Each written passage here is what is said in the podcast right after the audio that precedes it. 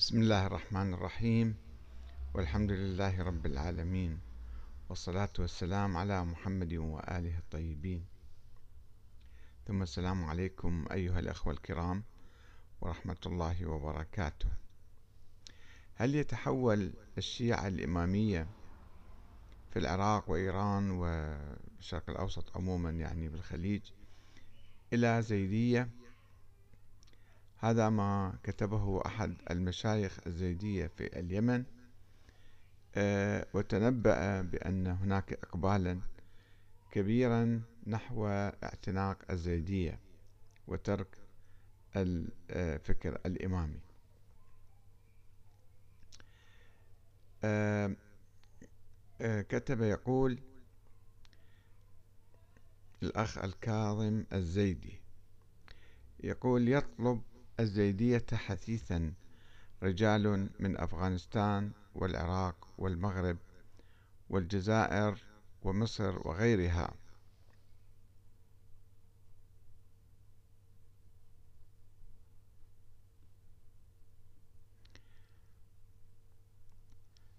نعم. يقول بفضل جهود متواضعة تحصلوها في شبك تحصلوها أو تحصلوا عليها في شبكات التواصل الاجتماعي أيضا بفضل طلبهم الأدلة بعد الأدلة للوقوف على العترة فكيف لو تكاتف الجميع آه، البناء والعمل المؤسسي وأستشعر كل طالب أو عاقل واستشعر كل طالب وعاقل بعموم أن عليه مسؤولية جادة تجاه فكر أهل البيت عليهم السلام. فكر الكتاب والسنة لإيصاله للأمة. سيكون ذلك أكثر تأثيرا وقبولا خصوصا وأن الزيدية فكر عقلي معتدل ليس فيه خرافة وغلو يصدرها البعض باسم التشيع. فالله الله عن التواكل والتضجر والملل فأنت تعمل لله وحده. في الحقيقة هذا كتبها في صديق عزيز هو الشيخ الكاظم الزيدي. والمعروف أن الزيدية هم معتدلين عموما شيعة معتدلين آه، لا يؤمنون بعصمة الأئمة ولا بالنص يعني الجلي أو ما شابه. وبالطبع هم تيارات عديدة. قديما يعني آه، آه، كانوا ينقسمون إلى عدة آه، تيارات وحدثت تطورات عديدة أيضا في صفوف الشيعة الزيدية الذين كانوا يشكلون عامة الشيعة في القرون الثلاثة الأولى ولم يكن الإمامية إلا فريقا صغيرا سريا وليس علنيا. في الحركة الشيعية العامة. آه، هذا الأمل أو هذا هذه الرغبة أو التوقع أن أن التشيع الزيدي ينتشر من جديد بين صفوف الشيعة وعامة المسلمين. العفو. آه، في الحقيقة هناك حركة آه، أو تيارات سلفية سنية زيدية وإمامية. وهناك حركات تجديد في الفكر السياسي سواء عند السنة أو عند الشيعة الإمامية أو عند الزيدية. الاتجاه العام في الحركة التجديدية آه، يسير نحو الشورى والديمقراطية والمساواة بين جميع الناس. في تبوء المناصب القيادية. على المستوى الفكري أنا أتحدث. ولكن في نفس الوقت هناك يعني تيارات سلفية شيعية وزيدية وسنية لا تزال تتشبث بالفكر السياسي القديم. مثلا الفكر السني القديم طبعا السني حتى مر بمراحل والفكر الشيعي الإمامي مر بمراحل. وتطورات عديدة ولكن أتحدث عما يعرف بالفكر السياسي السني الذي كان يجيز الاستيلاء على السلطة بالقوة من أي شخص أو يكون شرط مثلا آه، قرشي أو ما شابه. هذا الفكر القديم عند السنة زاد. الآن في معظم البلاد الإسلامية ما تسمى السنية هناك أنظمة ديمقراطية لا تؤمن والشعوب أيضا. الشعوب السنية لا تؤمن بسيطرة آه، أي واحد على السلطة بالقوة أو انقلابات عسكرية ويشوفون المظاهرات تخرج في البلاد العربية والإسلامية. فهذا تطور مهم. كذلك الشيعة الإمامية حدث عندهم تطور وتخلوا عن ذاك الفكر القديم الفكر الإمامي الاثنى عشري وهم يؤمنون الآن مثلا بالديمقراطية عندهم أنظمة عديدة ديمقراطية تختلف شوية أو آه، الزيدية في اليمن آه، أيضا آه، حدث عندهم تطور وكان عندهم جمهورية ثورة جمهورية على الإمامة وأيضا يعني عندهم دستور يساوي بين الجميع. في اتجاه ديمقراطي وفي نفس الوقت في بعض المشايخ السلفيين الزيدية لا يزالون يصرون أو يأملون أو يحلمون بعودة الإمامة وأن السلالة الهاشمية تحكم اليمن. وتشكل طبقة مثلا في البلاد حتى على المستوى الاقتصادي لا يأخذون الزكاة يردون يقننون الخمس حتى يأخذوا من الناس وما شابه. فهذه آه، الدعوة أو القراءة بالحقيقة من بعض المشايخ الزيدية الآن في اليمن بأن التيار الزيدي سوف يعم في العراق أو في إيران أو عند الشيعة الإمامية. أقول لهم في الحقيقة أن الشيعة الإمامية تجاوزوا تجاوزوا حتى الفكر الزيدي. وكتبت له هذه الرسالة الأخ الكاظم الشيخ الكاظم الزيدي. قلت له نعم أخي العزيز الزيدية الأوائل كانوا أصل التشيع قبل أن ينحرف على يد الإمامية أو الرافضة فيمتلئ بالعنف والتطرف والغلو والخرافات والأساطير. ولكن هل بقي الزيدية عبر التاريخ على ما كان عليه سلفهم الأوائل أيام الإمام زيد بن علي رضي الله عنه أم اقتربوا أيضا من الفكر الإمامي الوراثي والحكم السلالي يعني؟ وما هو حالهم اليوم؟ وهل يؤمنون بالشورى وحق الأمة باختيار الإمام ومحاسبته ونقده وتغييره؟ أم يؤمنون بأنه معصوم أو شبه معصوم وأن له ولسلالته فقط الحق في احتكار السلطة؟ لقد تخلى ما يسمى بالشيعة الإمامية الاثنى عشرية عن نظرية الإمامة الإلهية وآمنوا بالنظام الديمقراطي. الذي يساوي بعدالة بين جميع المواطنين فهل يلتحق بهم ما يسمى بالزيدية؟ وهل يؤمنون بالنظام الديمقراطي والجمهورية اليمنية؟ أم يسعون لإقامة نظام الإمامة الزيدية من جديد؟ هذا سؤال. يعني في الحقيقة يعني ربما بعض الأفراد في آه، العراق وإيران وأفغانستان وما أعرف وين آه، يميلون إلى أو يحبذون الفكر الزيدي. ولكن حركة المجتمع بصورة عامة قد تجاوزت الفكر الإمامي والفكر الزيدي. فأجابني الشيخ كاظم الزيدي قائلا حياكم الله مولانا الحبيب. الزيدية كفكر تفرض نفسها من خلال ذات فكرها الذي قامت عليه على يد أئمة العترة. طبعا العترة المقصود لا كما يفهمه الاثنى عشرية يعني أئمة الزيدية وربما يعممون أيضا.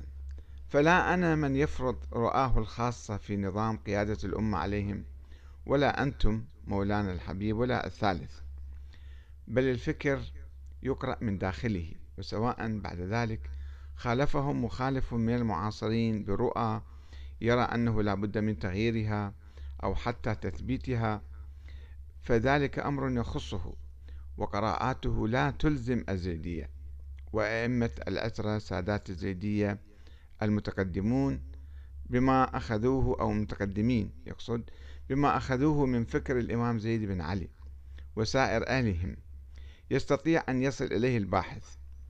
وقد قام به وخدمه رجال هم أئمة أهل زمانهم بل من سادات الأسرة وكبارهم.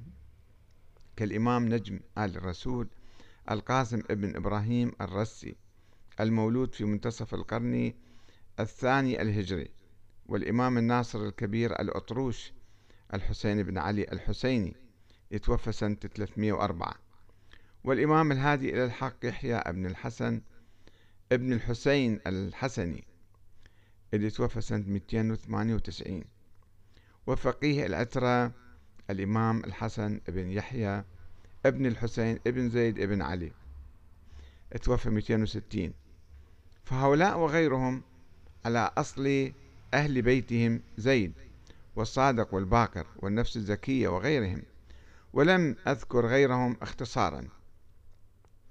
وإلا فمنهم سادات الديلم والمغرب والكوفة إلى جانب الأحد عشر أئمة الإمامية فإنهم لهم أصل وخير سلف. وإن لم يصدقوا فيهم قول الإمامية فيعود الناظر ينظر فكر آل محمد عليهم السلام مجتمعا والفكر سينبئه بقولهم واعتقادهم في قيادة الأمة أو غيرها من المسائل بعيدا عن القراءات الخاصة التي نتمنى أن يكون عليها فلان أو أن تكون عليها فرقة أو أن يكون عليها كيان مجتمع. هذا والكلام يخص أهل المعرفة للفكر. ثم بعد ذلك يكون الكلام عن المراجعة ونحوها. أسعد الله بكم واللهم صل على محمد وعلى آل محمد. في الحقيقة أنا نشرت هذه الرسالة أيضا كتب أحد الأخوان من اليمن مرحبا بهذا الحوار وهو مروان الراجحي. يقول منتظرين مزيدا من الحوار والنقاش مع إخواننا الزيدية.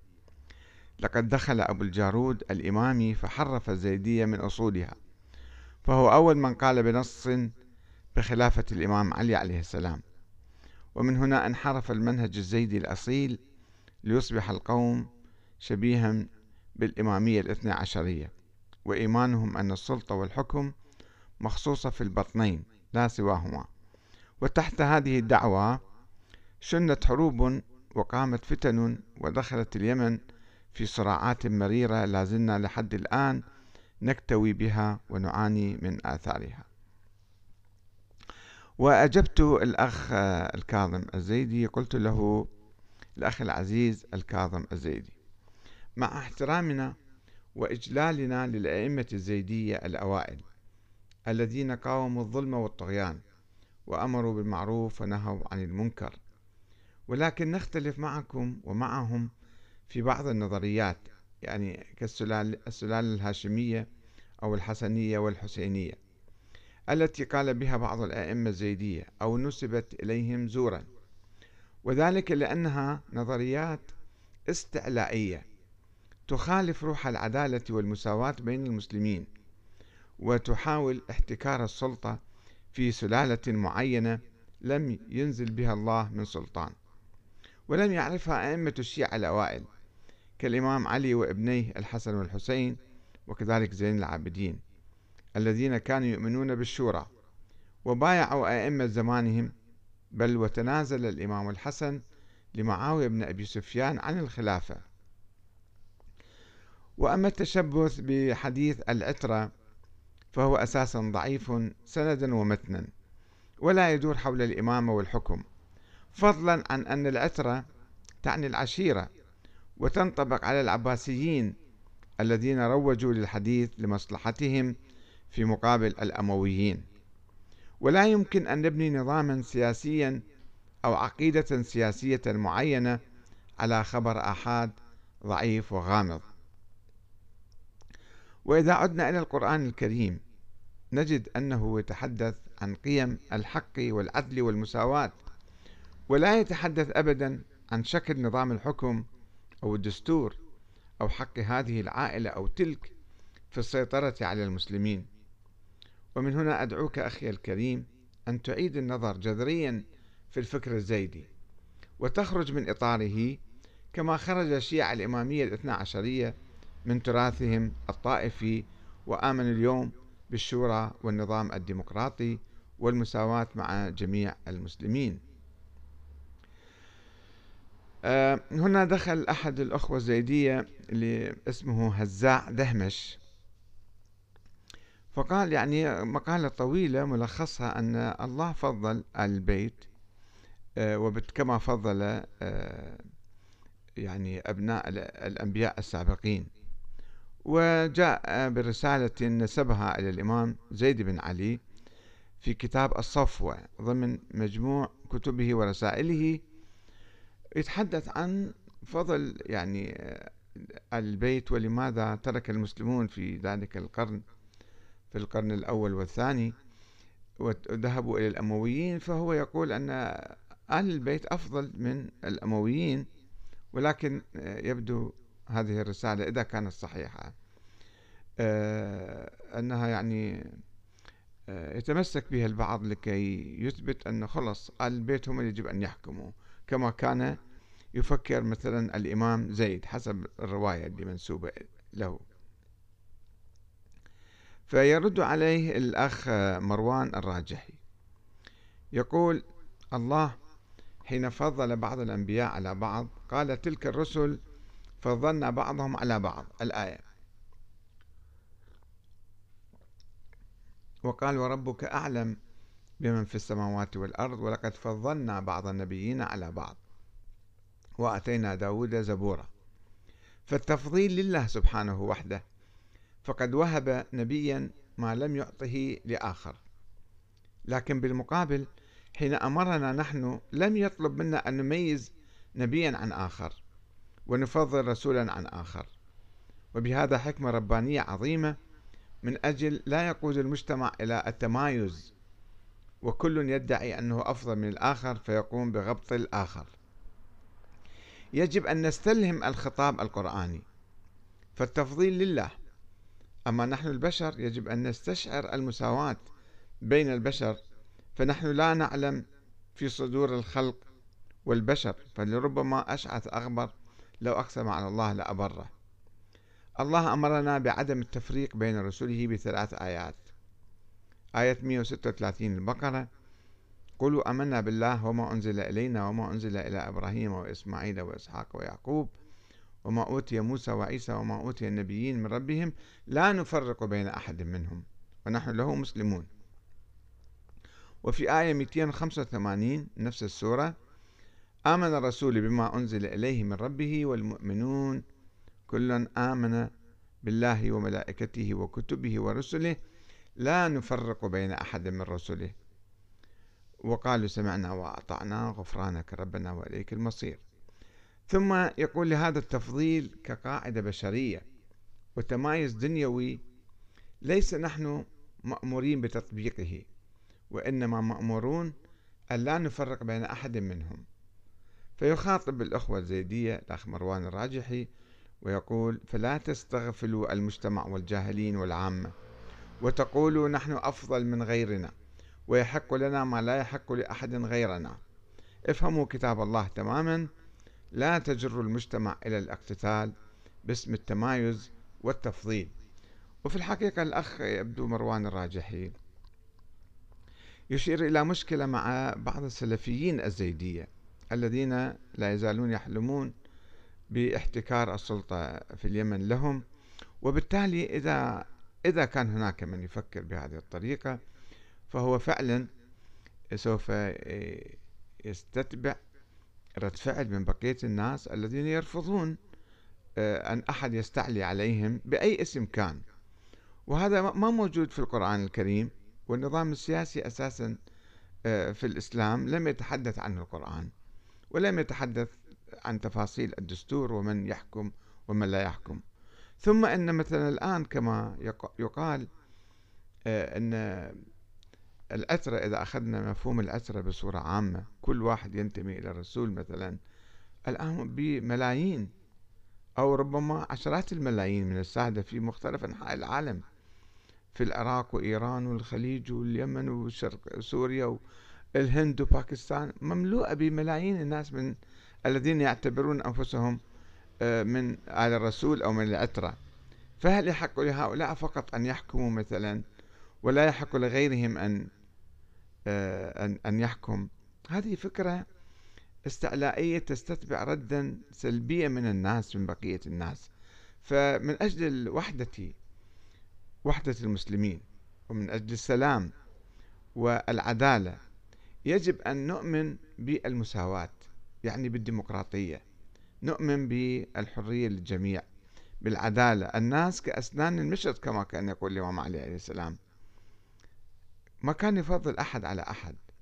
الناس سواسية كأسنان المشط إذا أخذنا هذا المبدأ العلوي فلا نسمح لأنفسنا بأن نتفضل ونستعلي على الآخرين لأن هذا يقودنا إلى خط معاكس يسبب التمزق ويسبب التفرقة والقتال بين الناس. نأمل إن شاء الله أن المسلمين جميعا سنة وشيعة وزيدية وإباضية أيضا أن آه، أن يؤمنوا بالعدالة والديمقراطية والمساواة. الديمقراطية تتطلب المساواة بين الناس. آه، ولا يفكر أحد بأن يستولي على السلطة بالقوة آه، ويفرض عائلته كما في بعض بلاد الخليج مثلا حتى الآن اللي هي عوائل تحتكر السلطة بدون أي حق حتى بدون تغطية